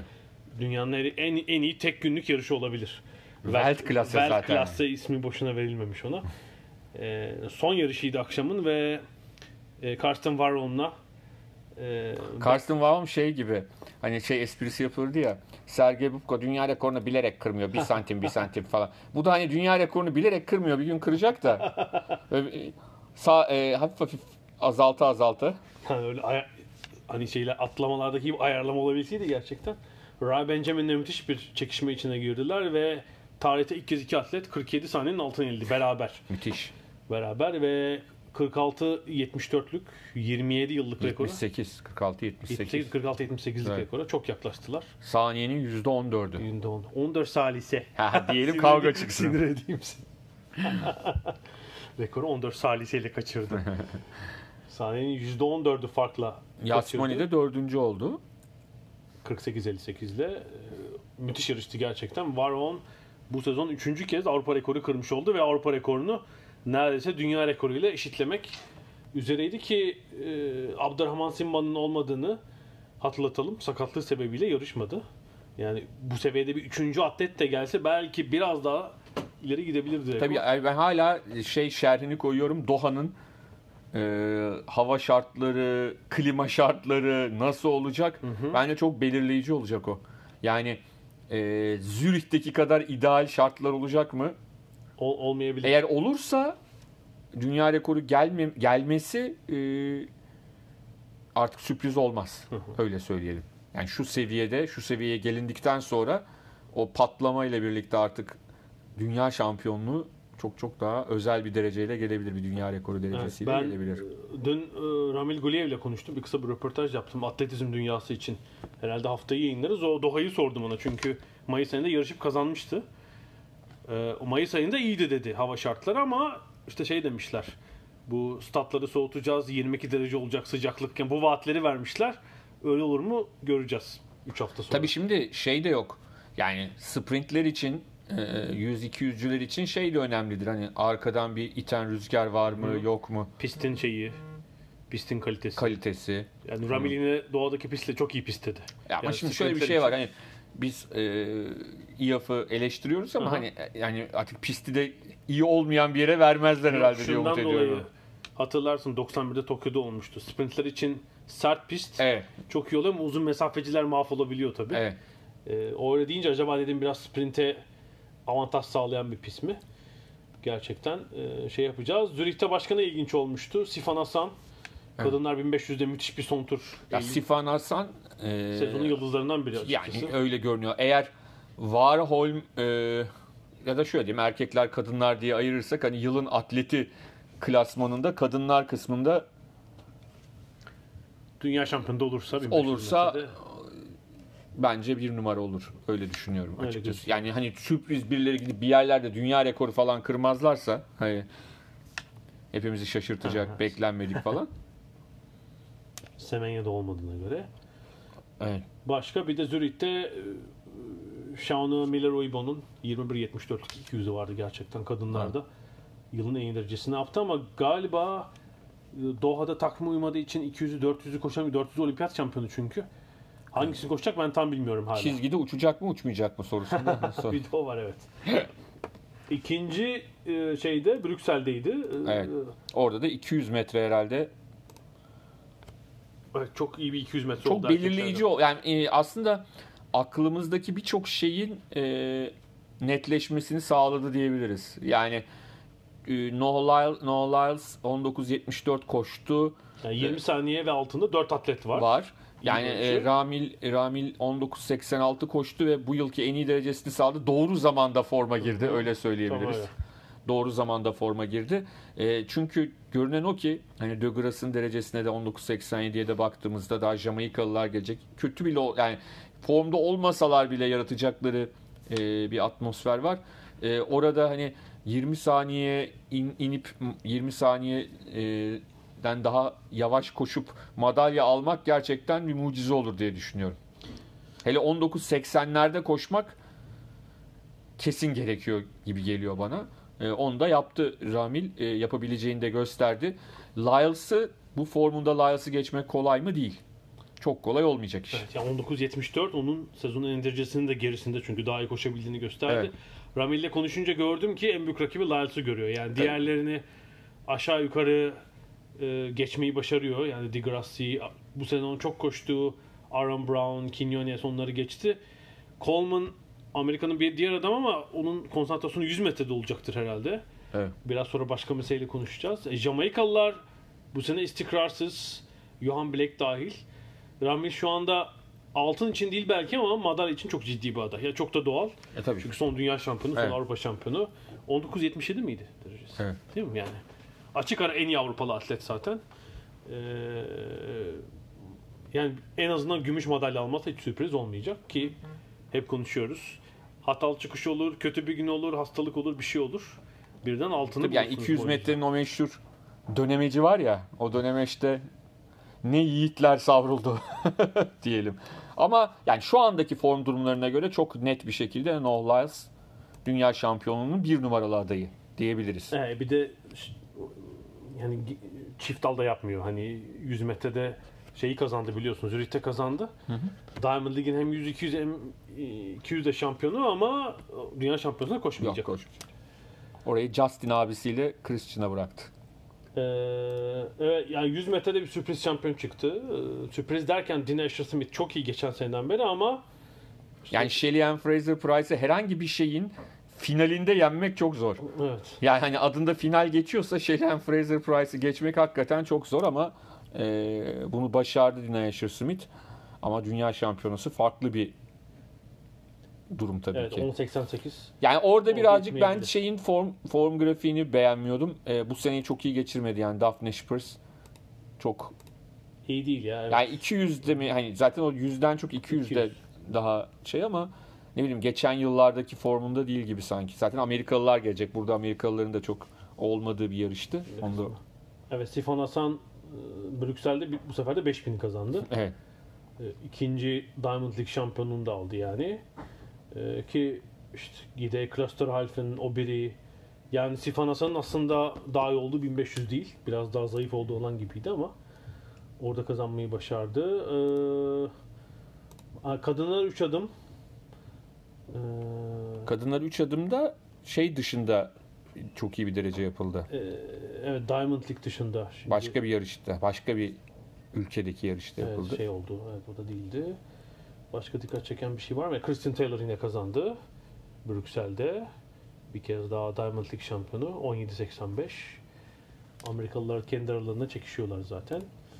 Sanıyorum böyle ama bir de Christian Coleman'ın ayrı mevzu var tabi. Bu Üç kere doping testini kaçırması kaçırdığı nedeniyle. için bir yıl içinde soruşturmaya uğrayacaktı. Aa birden haber aldık ki geçen hafta. Soruşturma falan yok. Coleman'ın avukatları iyi çalışmışlar. Evet, evet ama iyi çalışmışlar ama yani bu kimi tatmin ediyor, kimler bundan dolayı bilemiyorum. Yani bana çok acayip geliyor bunlar. Tiyatro gibi geliyor biraz. Nasıl olmuş? Birinci kaçırdı birinci test dikkate alınan 12 aylık takvimin öncesinde yani 12 ay içinde değil de değil mi öyle oldu. Ya. Böyle bir şeyle yıktılar. Teknikaliteyle diyelim, Ha. teknik bir şeyle yırttılar. Hani Şey de olabilirdi. Ben, ben o gün ze- e, dopingli olduğunu bildiğim et yemiştim. birisi içi bunu öğrendim. Onun için teste gitmedim falan gibi çok daha absürt bir şey de bulabilirim. Arkadaşım diş macunuma şey sürmüş falan. Bahaneler bitmez. Yani şimdi bir yandan çok iyi bunlarla çok sıkı uğraşıyorum deyip bir yandan da böyle şeyler yapıldığında bu sefer adalet duygusu da kayboluyor. Çok iyi tarif ettin. E, Atletizmde de sıkıntı şu. Yıldız az. Yani elde avuçta zaten çok az insan var işte. Coleman, Warholm sayıyoruz. Sifan Hasan. E, yani bir Col- Coleman'ın adı şimdi bir doping şaibesine karıştı. Caster Semenya'yı yarıştırmıyorsun. Kadın futbol oynamaya başlayacak. Tam komedi yani. Elde olan 3-4 e, yıldızla ilgili de problem var. Maalesef. Zaten giderek kitle su falan bir dal için. E, umarım iyi bir dünya şampiyonası görürüz. E şu anda da biz bu yayını yaptığımız günlerde bir gün öncesinde ve o gün e, Avrupa Amerika yarışları var ama Minsk'te. Minsk'te Belarus'ta ancak Türkiye'de yayıncısı var mı bilmiyorum. bilmiyorum. Hı hı. Ben BBC'de izliyorum. Hı hı. Ama e, şöyle söyleyeyim e, kalite tabii yerlerde sürünüyor. Çünkü e, Amerikalılar ilk de yani dün Alison Felix yarıştı. Alison Felix hani e, en azından bir şekilde adı e, şampiyonluklarla, uluslararası başarılarla eş anlamlı bir sporcu ama Amerikan Amerikalıların hiç e, üst düzey bir sporcusu hemen hemen yok. Evet ya her dalda değil mi? 4 ABD'li, 4 de Avrupalı. Doğru. Atlet Avrupalılar yarışı. biraz daha yani Avrupalıların da tamamı değil. Avrupalıların da birçok e, önemli isim yok Avrupa'dan da. Gelenler de var ama gelmeyen daha çok gibi. E, öyle olunca da tabii adı büyük ama kendisi e, çok e, kalite olarak altta kalan bir e, organizasyon.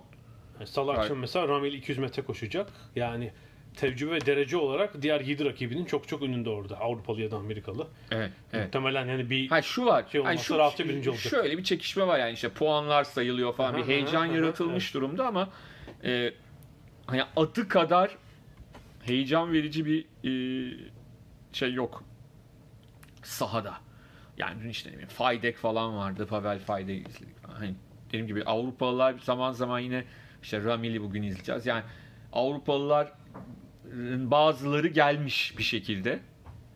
ikna ev- Avrupa edilmişler. ev sahibi çünkü. E, ikna edilmiş bir kısmı ama yani ikna edilenlerin sayısı da çok fazla değil. Yani dün sırıkla atlamada mesela kadınlarda evet işte Sidorova mı aldık? Sidorova aldı ama Sidorova var, Stefanidi var, işte Aha, Bankson aha, falan aha. birkaç tane hani en azından e, elle tutulacak dünya çapında isim gelmişti Avrupa'dan ama yani her dalda o da yok. Yani birçok dalda e, Avrupa'da sıradan olan sporcular, 7. 8. olan sporcular orada yer alıyorlar.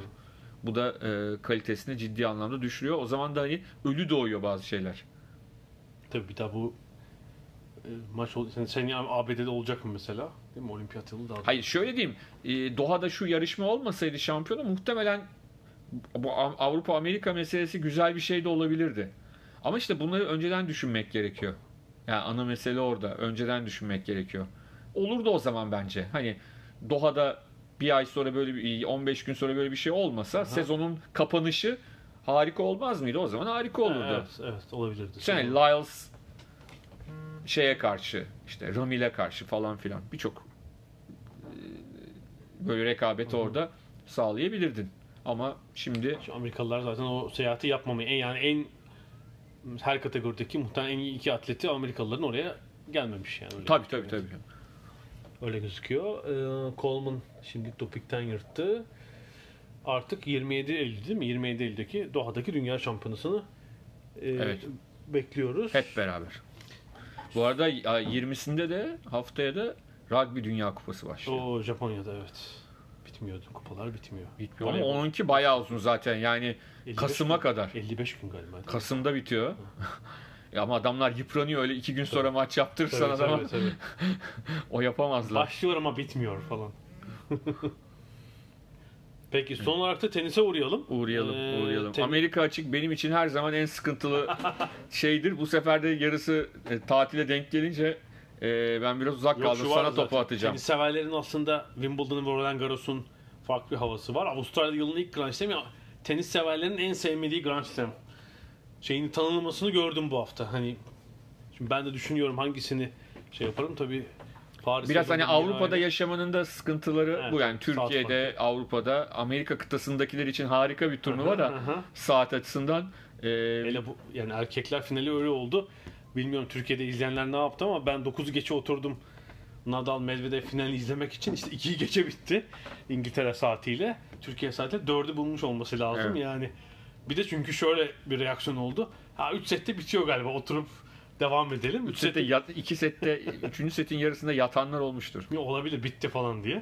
Evet. Çok büyük sürpriz oldu ama yani hani yine Nadal kazandı.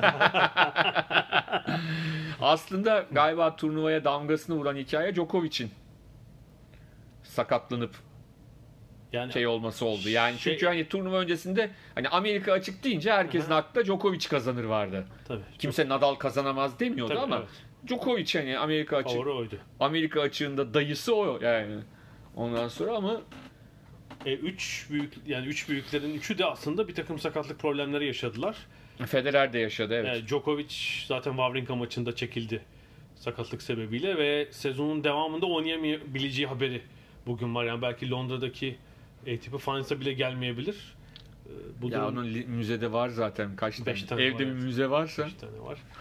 E, Nadal iki maçta öyle bir benzer sıkıntı yaşadı. Federer işte sırtım ağrıyor dedi elendikten sonra falan. Çok normal yani. Yaş ve kilometreyle gelen Sırtım ağrıyor evladım. Sadece yaşta değil kilometreyle de gelen bunlar şeyler tabii yani. Arkalarında 20 yıllık kariyer- Koskoca sporcu adam hala sırtım ağrıyor diyor. iki maç yaptı diye diyor. Ya şey tabii inanılmaz. Federer 20 yıl önce bu turnuvayı oynuyor. Serena Williams'ınki de çok iyiydi işte 20 yıl önce kazanmış. Finaldeki rakibi daha doğmamış o zaman turnuvayı kazandığında. Erkekler finaline bakarsak diğer büyükler sıkıntı yaşayınca Medvedev'in finalist olması çok sürpriz değildi açıkçası. Çok iyi bir yaz sezonu geçirmişti. Ee, Cincinnati ve Kanada'da e, final oynadı. Washington'ı kazandı ardından. Yani yaz döneminin en formda ismiydi. Şaşırtıcı olan finaldeki hem direnç hem oyun. Dönüşü. Evet, yani çünkü ben Medvedev'i bir ölçü değil tabii. Londra'da Queen's Club turnuvasında birinci turda Verdatu karşısında izledim. Nasıl kabus sin- şey nasıl sıkıcı oyuncu. Dip çizgiden ayrılmıyor. Baseline'da. Şey parçalıyor kendini Verdasco. E, diğer turnuvalarda da öyle yani. Dip çizgiden çok baseline'dan çok, çok ayrılmayan bir oyuncuydu. Finalde işte favori rakibi, rakibi bozmak için belki o lazım. Sürekli filede yani Amazon'dan izledim ben. Navratilova şu espriyi yaptı. Maçın yorumcusu Martin Navratilova. Ee, bugün kaç kez fileye çıktı? İşte maç bitmeden daha belki 3. 4. set. Şu ana kadar 63 kez fileye çıkmış. Yılın geri kalanında bu kadar fileye çıkmamıştır herhalde bir espri yaptı. Ve tam da 3. sette şey diyordu Navratilova. Ee, Nadal servis kırmıştı. 3-2 mi öndeydi? 3 oyunlarda 3-2, 4-2, 3-2 öndeydi galiba. Ee, Medvedev götürebileceği yere kadar götürecek direneceğini tahmin ediyorum derken maç uzadı oradan ve Ama o demişti zaten Evet. falan diyor. 5. sete kadar gitti gerçekten. Ee, müthiş bir direnç, çok soğukkanlı. O 2-3 yıl önceki e, şeyli, sinirli Medvedev çok geride kalmış gibi. Yani maç boyunca renk vermedi. Bir tek Nadal'dan bir şikayetçi oldu.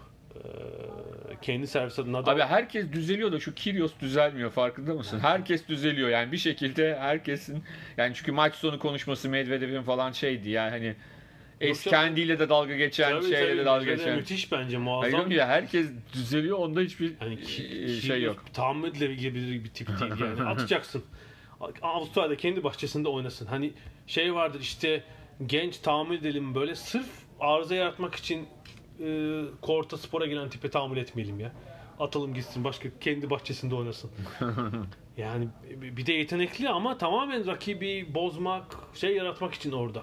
Medvedev gibi değil yani. Medvedev zaten e, işte bir şeyle bol böyle bir sıkıntısı olduğunu havlu mavlu fırlattı böyle bir şey yapıp ama sonra seyirciyle de arasını buldu. Dünya 4 numarası oldu. Muhtemelen önümüzdeki 3-4 yılda işte Tsitsipas, Zverev, belki Hachanov yani en yukarıda göreceğimiz tenisçilerden biri olacak ama her bir iki yıl daha isteyebilir sanki. Daha babalar gitmeden evet. öyle yok vermiyorlar. Böyle bir tek şu Ya da Medvedev cinsiyet değiştirecek. Kadınlarda yol açık çünkü. Şu- herkes herkes oluyor. Şu şeyi söyleyebilirim yani bu yıl dünya sıralamasını herhalde Nadal, Djokovic, Federer ilk üç bitirecekler. Ama gelecek yıl bu ilk üç artık böyle 1-2-3 olmayabilirler gibi geliyor. Evet evet. Burada bir Bence Federer falan da biraz iyice azaltabilir oynadığı maç sayısını, Yani son sezonu falan olabilir. Wimbledon gerçekten büyük Şimdi fırsat. aradan 20 yıl geçiyor. Federer'in son sezonu olabilir. Ah, 58 yaşındaki Roger Federer falan. Kadın Navratilov öyleydi ya bıraktı zannettik. Devamlı çiftlerde Tabii kazanmaya döndü, devam etti. Karışık çifte oynuyor, eğlenceye geliyor. Ee, kadın- Kazandı eğlenceye gelse iyi. Karışık şeyleri kazandı 45 yaşında Tabii falan. tabii evet. Hatta, hatta 50 kaç yaşındaydı? 45'ten de fazla belki. Neyse. Ee, kadınlarda ise tecrübe ve gençlik finali oynadılar. Ama hani Andreescu e, sene başından beri hani bir şey yapması beklenen Tabii gençlerden bir Mart tanesi. Nisan dönemi çok iyiydi zaten. Evet. Ee, Amerika'daki sert kort turnuvalarında. Sonra Roland Garros'a sakatlandı. Çekildi. Wimbledon'u oynayamadı. Böyle bir sakatlık arası verdi. Ee, ama burada gerçekten çok e, potansiyelini bir kez daha gördük. İşte şu ilginç yani Serena Williams bu turnuvayı 20 sene önce kazandığında henüz doğmamış. Andreescu ama finalde erkeklerdeki çekişme pek olmadı. Yani Serena Williams bir kere daha 24'ün eşiğinden döndü. Dördüncü kez e, Lanet. şey, şey 24'ün kaybediyor. laneti. E, hakikaten öyle oldu. Ve iki sette pek rakibi de zorlayamadı ki. Ön- Yani Serena Williams'ın fizik olarak da senenin e, ilk aylarına göre daha iyi duruma geldiğini görebiliyoruz. Ama Andreescu'nun gücünde pek bir şey yapamadı. Evet, ama yani Açıkçası. Avustralya açığı yine şak diye kazanıp Tabii tabii. her olabilir. şey değişti yani. Olabilir. Yani kadınlarda ikinci senedir e, dört büyük hatta üçüncü sene galiba. Yani dört büyük turnuvayı dört farklı isim İsim kazanıyor. Osaka başlamıştı seneye. E, Barty, Barty. e, Wimbledon'ı Halep aldı, Aldı. ve ardından e, Andreescu ki bu e, Barty ve Andreescu kariyerlerinin ilk Grand Slam'ini bu sezon kazanmış oldular. Kanada'da da büyük bir sevinç var. Yani Toronto Raptors'ın şampiyonluğundan sonra Şey tabii ilginç. Evet Kanada sporda çok başarılı bir ülke değil. ilginç. Çok e, sosyoekonomik bize göre başarılılar da sosyoekonomik düzeyi çok iyi o anlamda da, başarılar. Onunla e, karşılaştırdığımızda. teniste ilk Grand Slam şampiyonu. Evet. Kanada'nın ilginçtir yani. Final olmuş. Ama biliyorsun Kanada'nın şöyle özellikleri de var. Ters bir özellik. Yani eee şeye kadar bu Vancouver'daki kış oyunlarına kadar olimpiyatlarda kış ya da yaz ev sahipliği yapıp Altı madalya. yani kazanamayan tek ülkeydiler. Yani e, Montreal'de ve Skandaldan e, sonra. Calgary'de e, kazanamamışlardı. Vancouver'da kazandılar nihayet ki yani kış olimpiyatlarında da şeyler başarılı bir ülke sayılabilirler. Ama buna rağmen iç, kendileri yaptığında kazanamıyorlardı. Öyle tersten istatistikleri de var yani. E, bir ilginç not tabii teniste de 2010'lu yıllarda da bitiriyoruz yani Grand Slam'leri bitti. Şu çok ilginç. Erkeklerde işte 70'ler, 80'ler, 90'lar, 2000'ler işte kaç oyuncu Grand Slam kazanmış? İşte 14, 12, 13, 15. 2010'larda sadece 6 kişi Grand Slam kazanabilmiş. 3 büyükler. Onun dışında kalanlardan da Wawrinka ve Murray zaten. Üçer bir Çiliç var. Zavallım bir tane almış. 3 oyuncu genelde aralarında paylaştılar. Kadınlarda ise çok daha tabii Evet orada sayı fazla. yüksek bir sürü ilk turnuvasını kazanan ya da bir turnuva kazanıp devamını getiremeyenler. Orada yükseldi sayı. Yani hani diğerinde düşerken kazanan sayısı. Galiba 19 falan kadınlarda. Son yıllarda iyice arttı. Ee, Tabi sezon bitmiyor. İşte yıl sonu turnuvaları var. Aradaki e, yine birkaç önemli turnuva var ama erkeklerde sanki Nadal Djokovic'in önünde bu yılı bir numara bitirecek. Öyle gibi gözüküyor. Ee, kadınlarda ise hala çekişmeye puanlar yakın. Ee, Halep olabilir. Belki Osaka bir atak yapacaktır. İlginç bir yıl sonu göreceğiz yine kadınlar tenisinde. Bitirdik mi bu hafta? Rekoru kırdık galiba. Bitirdik. Toplam süreye bakamıyorum ama. Mevzu çoktu. Çoktu. Çok konuştuk. İzinden dönünce böyle oluyor. Öyle öyle. Peki ada sahillerinden şimdilik bu kadar. Haftaya kadar görüşmek üzere diyoruz. Hoşçakalın.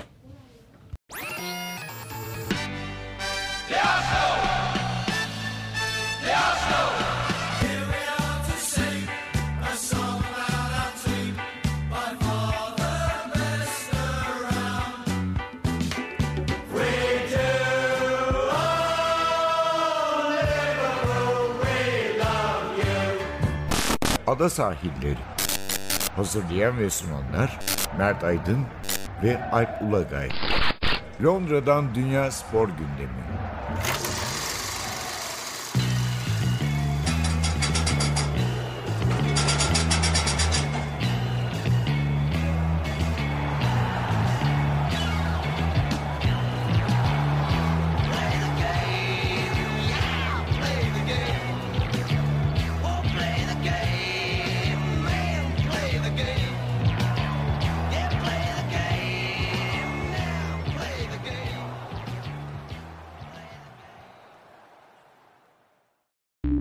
Podcast you just heard was made using Anchor. Ever thought about making your own podcast? Anchor makes it really easy for anyone to get started. It's a one stop shop for recording, hosting, and distributing podcasts. Best of all, it's 100% free.